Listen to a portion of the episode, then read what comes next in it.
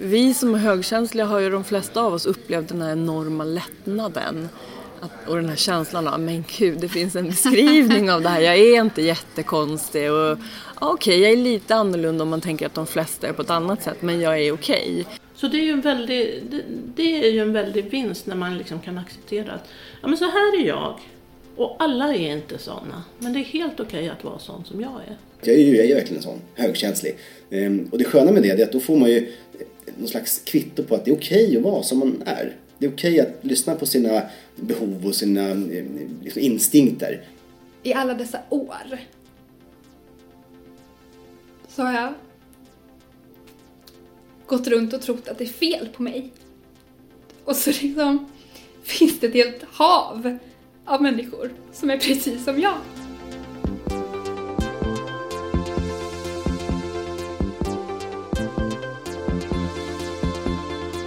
Du lyssnar på HSP-podden med Leveby och Klar.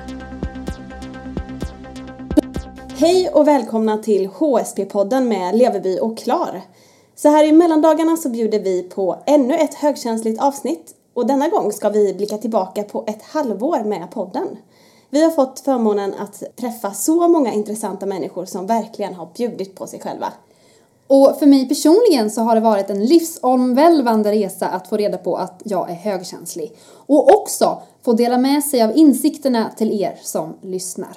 Och nu bjuder vi på det bästa ur ett halvår med vår podd. Stunderna som fick oss att gråta, skratta, häpna och njuta. Agneta Sjödin har ju sina nyårskarameller. Vi gör en egen take på detta i vår eh, nyårskrönika kan vi kalla den för det? Ja, men det tycker jag att vi gör. Eh, och så tycker jag att vi sätter igång också för att vi har mycket som vi ska hinna med. Nu kör vi! När vi skulle spela in första avsnittet av vår podd så spelade vi faktiskt in ett helt annat avsnitt än vad vi till slut la upp. Eh, vi hade ett ganska informativt avsnitt med mycket fakta men så kände vi att nej, vi måste köra något mer känslorikt för våra lyssnare.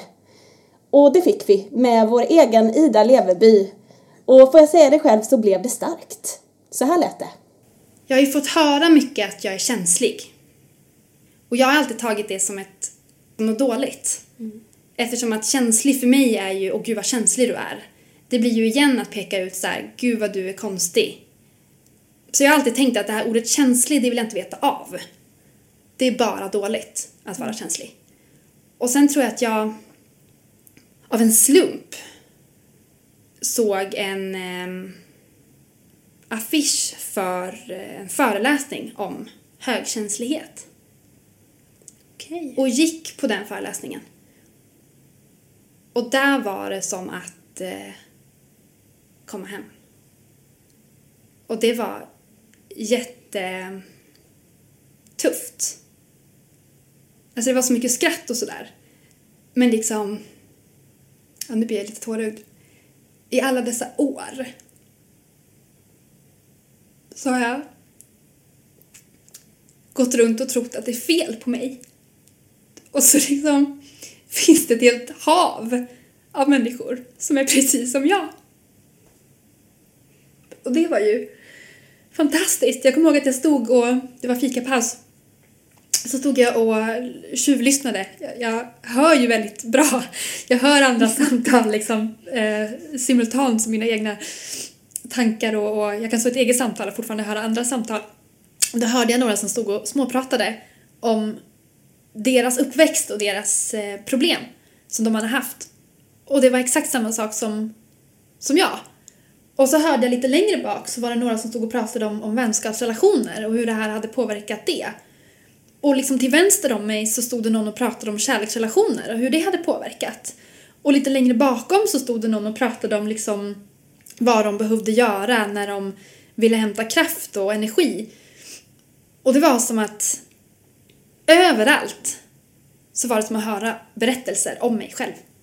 Du sa ju att det, bland det jobbigaste som jag förstår det har varit att eh, du har varit tvungen att anpassa dig så pass mycket. Men nu behöver du ju inte anpassa dig längre när du vet det här. Eller är det så det känns? Jag har känt sista året en stor eh, frihetskänsla Jag känner mig fri. Nästan som att jag kan komma på mig själv så här små skratta för mig själv att men gud, är det sant? Nu får jag göra som jag vill. Jag kan göra vad jag vill. Jag är liksom ostoppbar på något sätt. För nu kan jag ändå titta på den människan som säger till mig liksom att du är överkänslig. Du är inte okej. Du är ju konstig. Då kan jag bara titta på den och tänka liksom att nej men det är du som inte är känslig. Du har inte det jag har. Och det jag har, det är det som kommer att göra mig till den jag vill vara. Och följa min sanning och göra det som jag tycker är roligt och det kommer att göra mitt liv bättre. Och då struntar jag i vad den personen säger eller tycker. Och då känner jag mig fri. Författaren och journalisten Maggan Hägglund fick vår podd att stiga upp på poddlistorna som en raket. Tillsammans med Doris Stalin står hon bakom boken Drunkna inte i dina känslor. En slags tröstande självhjälpsbok för starksköra, extroverta, högkänsliga. Och den har sålts i över 80 000 exemplar. Vi fick komma hem till Maggan i början av våren och det mötet gjorde oss alldeles varma i hjärtat. Vi ska ta och lyssna lite kort på hur det lät och det börjar med att Maggan läser ett citat ur boken. Är jag galen eller varför känner jag så mycket? Ibland slutar svaret mer åt att jag tror att jag är galen, eller i alla fall att jag håller på att bli det. Andra dagar är jag kaxig och tänker att jag varken håller på att bli galen eller är överkänslig, utan det är alla de andra som är underkänsliga. Men inget av det är en sanning. Jag upplevde nog bägge att omgivningen kunde vara väldigt förvirrad. Ja, men eh, igår så liksom var hon jättestark och ledde det här och nu är hon alldeles som en liten urvriden disktrasa. Hur kan det gå till? Och då tror jag att både man själv och omgivningen kan bli misstänksam. Man tänker, det här kan ju inte stämma. Det kan ju inte vara både så och så. Antingen så är du där, det är något som är fel. Liksom. Jag tror det. Att man blir, både omgivningen och också man själv. Så det är ju en väldig, det, det är ju en väldig vinst när man liksom kan acceptera att ja, men så här är jag. Och alla är inte såna. Men det är helt okej okay att vara sån som jag är. Hittar man att ja, men jag är jätteintrovert och högkänslig, ja men då är det okej att vara det. Alltså detta, för jag tycker att hela livet så har jag liksom försökt... Självacceptansen är eh, det viktigaste? Ja. Självacceptansen är absolut, för, i alla fall för mig. Och sen så sa då Doris en dag på KB, sa hon, ska inte vi skriva en bok? Som vi skulle ha velat haft när vi var yngre, så vi hade kanske sluppit att göra en massa misstag eller i alla fall känt igen att det fanns andra. Och då sa jag, jo det gör vi. Trodde ni då att det skulle bli en sån succé? Nej, det trodde vi inte. Vi trodde att någon skulle hitta den. Och så kände vi att vi ville skriva den. När den trycktes första upplagan då sa de att de ska trycka 3000 och då hoppades jag så här, hoppas, hoppas, hoppas att den säljer i 3000. Redan när vi hade releasefest för boken så, så kom eh, vdn för förlaget och sa att vi har redan beställt en ny upplaga för att det är så mycket förbeställningar på den här. Och då började vi ana. Och sen kom det, rullade det bara in. Hur kändes det då att kunna få ge den där handboken? Ja, det var, dels var det ju så här liksom, men oj, vad har vi satt igång? Och liksom den gick upp så här på nätbokhandlare, den låg etta och liksom oj, vad är det för någonting? Så dels var jag förvånad och dels var det ju fantastiskt. Och också de här reaktionerna, att det var så personligt. Eh, ja, men då är det inte jag som är knäpp. Det var liksom den, nästan den överväldigande responsen på den här. Då är det inte jag som är knäpp, då är jag inte ensam, då är det inte som jag inbillar mig. Det var liksom det genomgående. Serena Mondevienne hjälpte oss att kommunicera bättre på jobbet. Hon är expert på vardagsretorik och det som jag och säkert många av er lyssnare tar med mig är tipset om vad man gör när någon konstaterar något som inte alltid är så roligt att höra.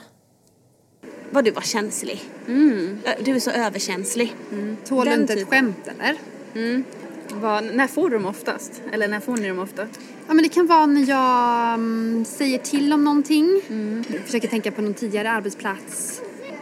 Men jag tror jag sa att så här, ja, men har den här, den här personen vi ska ringa nu, vill den prata om det här? Så här nu- bara tänker vi att den personen vill prata om sin tragedi, men vill den det? Åh, men du ska alltid vara så känslig. Ja. Nej, jag är inte känslig, jag är omtänksam. Man byter en negativ laddning till en positiv laddning. Det är lätt att det också blir lite av ett slagsmål på något sätt. Ska man slåss om vilken, vilken stämpel? Man kan också bara helt skippa det där med, med laddning och bara, ja oavsett om jag är känslig eller inte så undrar jag. Och så fortsätter så repeterar det man sa. Så det är inte relevant att värdera eller stä- stämpla. Då blir det inte att man börjar boxas med någon. För det kan lätt bli så. Och speciellt när man ska ha snabba retoriska lösningar att man ska börja boxas. Men om man, vill, om man inte vill göra det och istället vill ha en, behålla en god stämning eller, eller eh, satsa på en relation. Jag vill inte hålla på och jabbas med dig utan jag vill bry mig om kunden. Så oavsett om jag är känslig eller inte så eh, vad, vad, hur tror ni kunden tar det här? För då har du inte sagt att du är känslig, du har inte sagt att du inte är känslig, det är inte relevant. Och ibland så, så kommer man på det här riktigt bra svaret först när man kommer hem. Ja, Och då bara- alltid. Ja, och eh, jag brukar säga att det är bättre att vara efterklok än inte klok alls. Alltså känner du den här känslan, går du hem med den här dåliga magkänslan, tänk igenom vad var det som hände? Va- Varför har jag den här känslan? Och sen så, så länge tåget tuffar i ditt huvud så har det inte gått. Då kan du gå tillbaka till din kollega. Kan man göra det? Ja. Ja. För det är inte schysst mot dig själv att eh, det här tåget ska tuffa och ta av din tid. Det är ju att ta sig själv på allvar också. Verkligen. Men det är ju jättebra för att jag hittar sällan orden direkt. Men nu, nu bara- har du meningen du ska ha i bakfickan alltid. Hur menar du nu? ja. Att högkänsliga behöver återhämtning är inget nytt. Men vad är egentligen vila? Det frågade vi stresskonsulten Mikael Skifte som berättade vilka typer av vila som vi faktiskt behöver. Jag tror att man behöver en rytm också. Över året med semester, över veckan med helgen, över dagen med små pauser till exempel på arbetet och, och sömn och vila. Så att det är olika rytmer olika tidsförlopp. Det här med balans i livet, vad har jag för värderad riktning? Vad är det för värden som är viktiga för mig? Vad som är viktigt i livet? För det är någonting som vi pratar ganska mycket om. Och är det prestation och arbete och jag är medveten om det och tycker det, ja men då är väl det okej. Men jag tror att det är många av oss som inte vet egentligen och som inte har gjort ett medvetet val utan vi följer med in i någon form av samhällsnorm. Vi gör karriär, vi skaffar familj, villa och Volvo och sen så står vi där vid 40 och har gjort alla de här sakerna som alla gör och nu då? Vad ska jag göra nu? Och därför i, i stresshanteringen jobbar vi med acceptance and commitment therapy där man, där man har en acceptans och så har man någonting, ett värde som man orienterar sig efter, en kompass i livet. Det kan vara omsorg, det kan vara närvaro, det kan vara olika saker. Så i alla de här olika formerna som jag håller på med så är det just den här kompassriktningen som är väldigt grundläggande och viktig. Hur hittar man sin inre kompass då? Ja, vad säger du Ida? Hur hittar man sin inre kompass? Jag kanske ska bolla över den till dig. Jag tänker att man lyssnar på det som själen säger, Ja, det som hjärtat säger.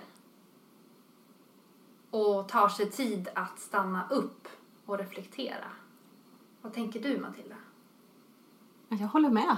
Jag tycker det var väldigt bra, bra sagt, Ida. Men frågan är vad Mikael tycker. ja Håller du med? Ja, jag, jag, jag, jag håller med. Jag tror att det är jätteviktigt att stanna upp och reflektera. För det är också någonting som jag tror att vi gör alldeles för lite. Jag tror att vi väldigt ofta är väldigt mycket uppe i ett mentalt chatter. Där vi pingpongar tankar med oss själva och andra.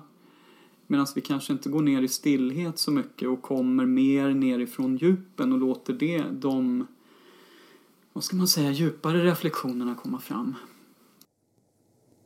Det är inte farligt för högkänsliga barn att gå på kalas eller konserter och utsätta sig för överväldigande intryck.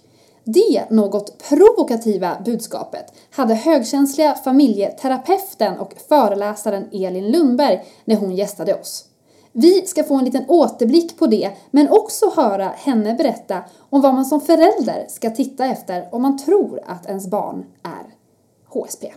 Det är en av riskerna med det här begreppet, fast jag älskar själva begreppet och föreläser om det och så. så att, eh, jag är Elaine Arons största fan. Men det finns vissa eh, risker och en risk är ju det här med etikettering.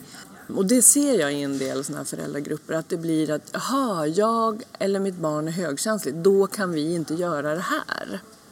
Och då finns en risk, för då, då kan det bli hämmande. Att eftersom du är försiktig så, så får inte du gå på simskola eller du, du, får inte gå på konsert för du blir överstimulerad. Då tänker jag så här, det är inte farligt att bli överstimulerad. Det kan väl vara värt det om man får gå på sin favoritkonsert. Eh, så, det dör man inte av och det kan man ibland få för sig eh, i så här högkänslighetsgrupper, liksom att, att det är det värsta som kan hända. Överstimulering hör ju liksom till livet lite och man behöver snarare vägleda och lotsa sitt barn både att förebygga det men också att kunna tackla det när det sker. För ska vi få våra barn att aldrig bli överstimulerade eller aldrig rädda, aldrig ha ångest, ja herregud, då kommer vi slita ut oss. Och de blir dåligt rustade för så som världen ser ut. Men vår uppfattning är att i grupper på Facebook som handlar om högkänslighet så är det många föräldrar just som undrar om deras barn är högkänsliga och det verkar finnas en viss, eh, vissa behov för föräldrarna. Ja. Varför tror du att det är så? Vi som är högkänsliga har ju de flesta av oss upplevt den här enorma lättnaden att, och den här känslan av, men gud, det finns en beskrivning av det här. Jag är inte jättekonstig och okej, okay, jag är lite annorlunda om man tänker att de flesta är på ett annat sätt, men jag är okej. Okay. Och det är klart att det finns en längtan i att kanske kunna erbjuda det till sitt barn, men då tycker jag man kan ge det ändå utan att ha ett namn på det. Men men sen är det väl också ett djupt liggande behov hos många och speciellt hos högkänsliga, det här behovet av att förstå. Vad är det man kan märka då? Vad är det för signaler? Jag, jag tycker nog man med barn mest kan kika efter eller känna igen den här um, eh, beteendeaktiverings eller avaktiveringsfunktionen, tänk efter före. Eller prova sig fram, trial and error. Eh, think before acting eller trial and error. Två olika beteendestrategier som alla människor har, men vi har dem lite olika mängd och med olika tryck. Och har man då ett högkänsligt barn så är det troligtvis ett barn som i nya situationer vill stanna upp och fundera lite innan man ger sig in i den nya situationen. Eh, kan man få en förståelse för det, en liksom ömhet för det så kan man ju på något sätt ta fight för barnets behov av att få i lugn och ro utforska en ny situation utan att bli forcerad in i det som majoriteten tycker är ett lagom eh, tempo. Något som jag märker av ibland hos min kära vän Ida är att hon kan ibland bli väldigt irriterad. Men det finns alltid en anledning till det och oftast är det precis samma orsak. Hon är hungrig. Högkänsliga är ofta väldigt rutinmässiga med sina måltider och därför bjöd vi in Fredrik Paulun som ju har skapat sig ett eget matimperium och blivit kallad för müsli-miljonären. Men samtalet kom att handla om mycket annat också. Till exempel om hur han har förstått sig själv sedan han kom på att han är högkänslig. Alltså man har ju alltid tänkt att man var lite av en, en särling med egna behov och höll sig lite på sin kant och sådär.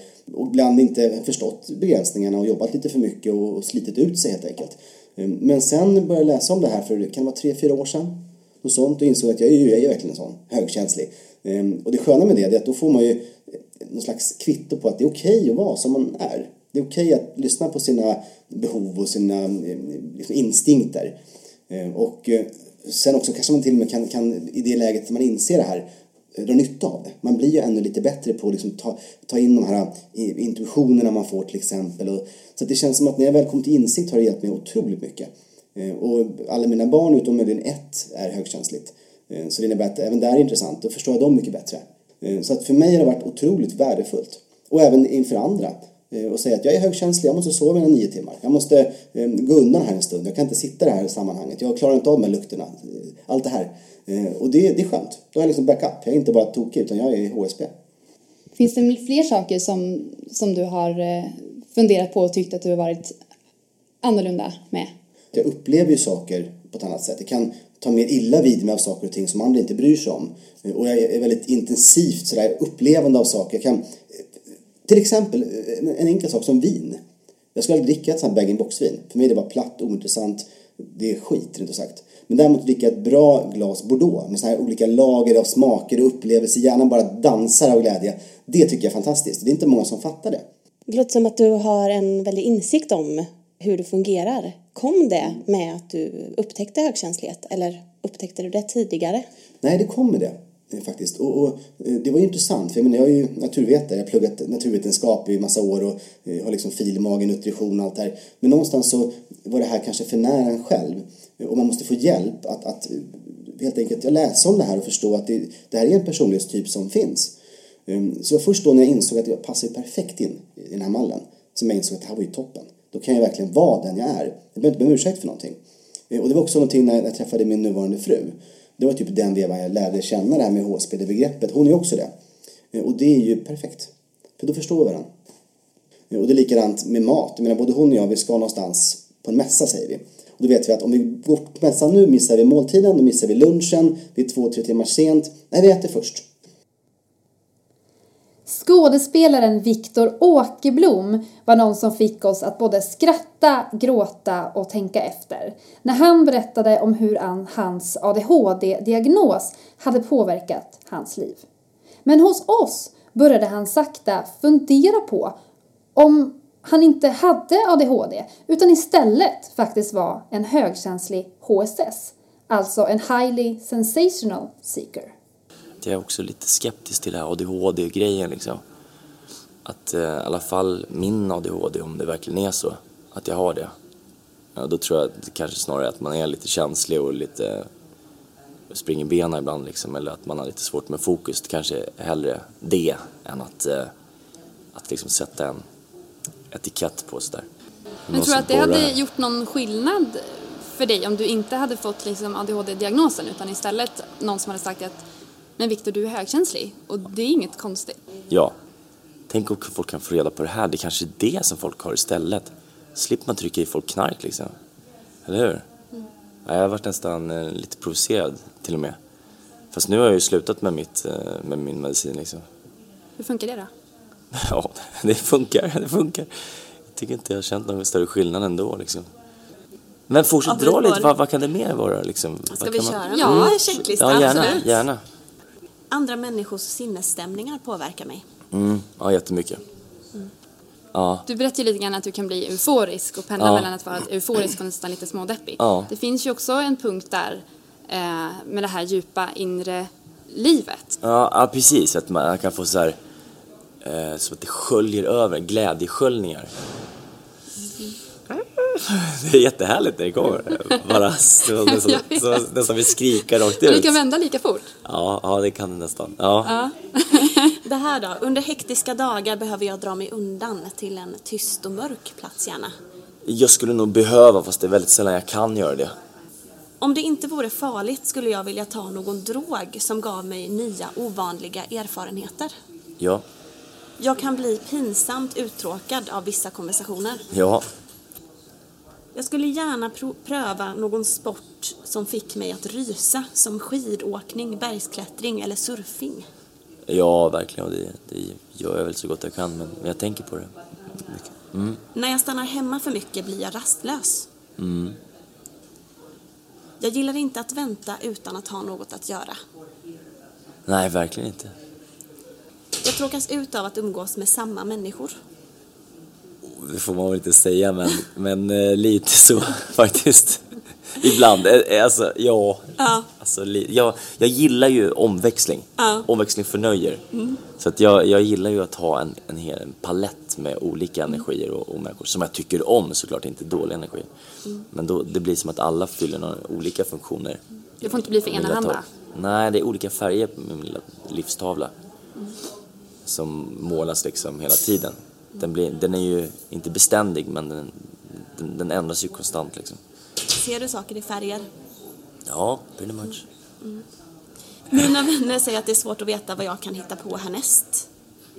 Ja, verkligen. De, det sa, det sa de, eh, min, eh, familj kan man säga. Eh, sa det när jag var yngre. De bara, alltså det, man vet aldrig vad som sker och det, det, är liksom, det, det händer så mycket grejer. Men av någon anledning så ordnar sig alltid på något sätt. Man vet aldrig liksom, men det ordnar sig alltid på något sätt. Eh, då så. Då tack så så. mycket. Trevligt. Ja. Snurrig podd. Eh, tack så mycket. Trevligt. Jättebra podd. trevligt, Jag ska ta ut här på något, på något litet vis. Jag ska stänga av här. Både jag och Ida är ju väldigt känsliga för ljud och hatar när det till exempel är för högljutt på restauranger. Och ljudkänslighet är ju faktiskt en del av högkänsligheten. Och så finns det ju folk som faktiskt jobbar med att få en bättre ljudmiljö på just restauranger, arbetsplatser och offentliga platser. En av dem är Lars Berg som kallar sig själv för ljudombudsmannen. Och han satte ord på sånt som vi alla går runt och tänker på, i alla fall vi ljudkänsliga. Vi måste sätta ner foten helt enkelt och säga att nej men vi, vi vill inte ha det så här. Vi måste prata med arkitekterna, vi måste prata med politikerna och säga att vi vill ha bättre ljudmiljö. Vad är en bra ljudmiljö, tycker du? Det beror alldeles på vad det är, i vilket sammanhang det är men överhuvudtaget så är det allt, alla ljud som är buller, som är fula ljud som inte tillför någonting. Och 80 procent av de restauranger, hotell och så vidare som har massa musik det är egentligen bara buller. Det tillför inte någonting. Va? Utan det gör det svårare för att prata. Det blir eh, krångligare att eh, kommunicera och man går därifrån.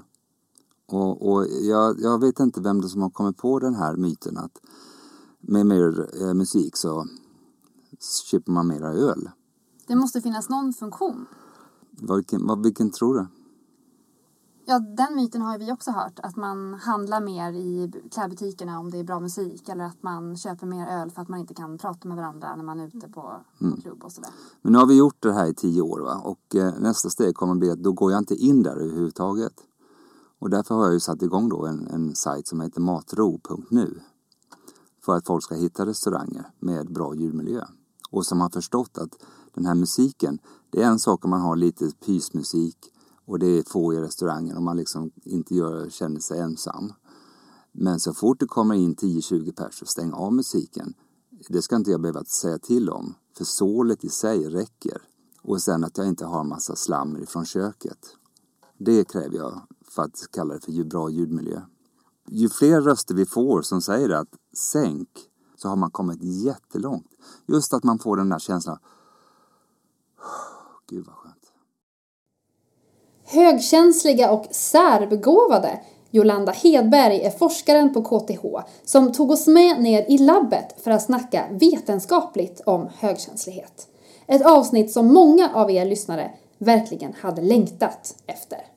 För oss berättade hon om att det finns könsaspekter i sättet att se på forskningen som mäter högkänslighet. Och så pratade hon om min personliga favorit.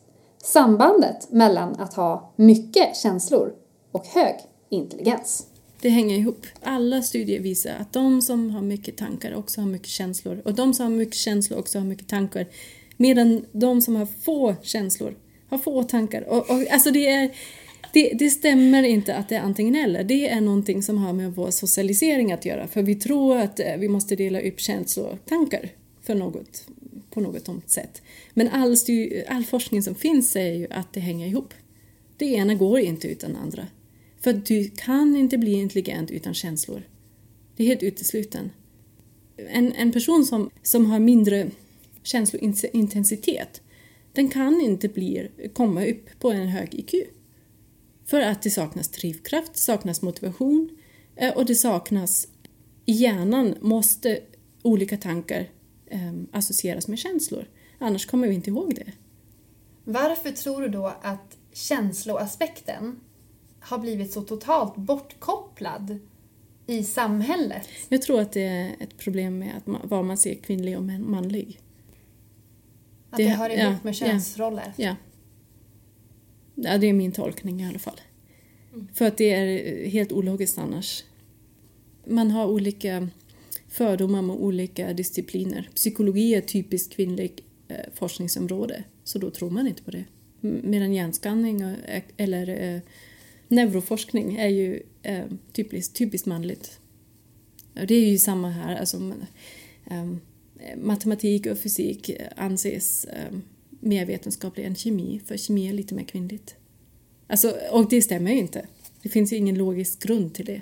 Alla är lika vetenskapliga. Men, men det, det är något, um, det har med respekt för områden att göra som är eh, traditionellt och socialt betingade. Så man måste ta det hela en vända till och även faktiskt tänka lite genus i det här? Ja, det tror jag.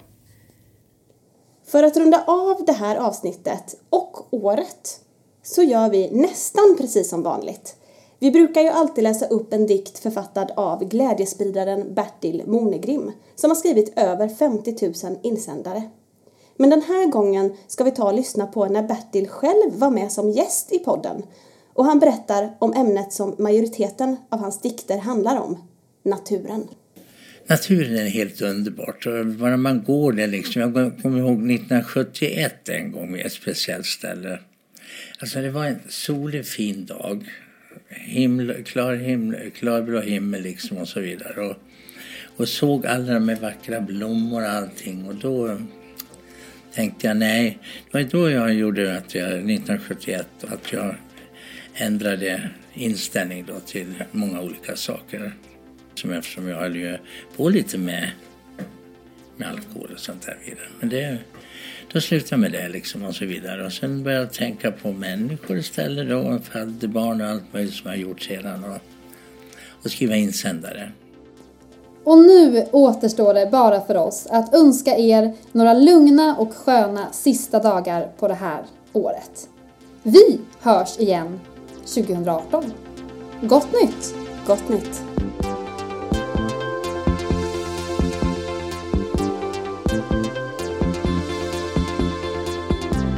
Har lyssnat på HSP-podden med Leveby och Klar.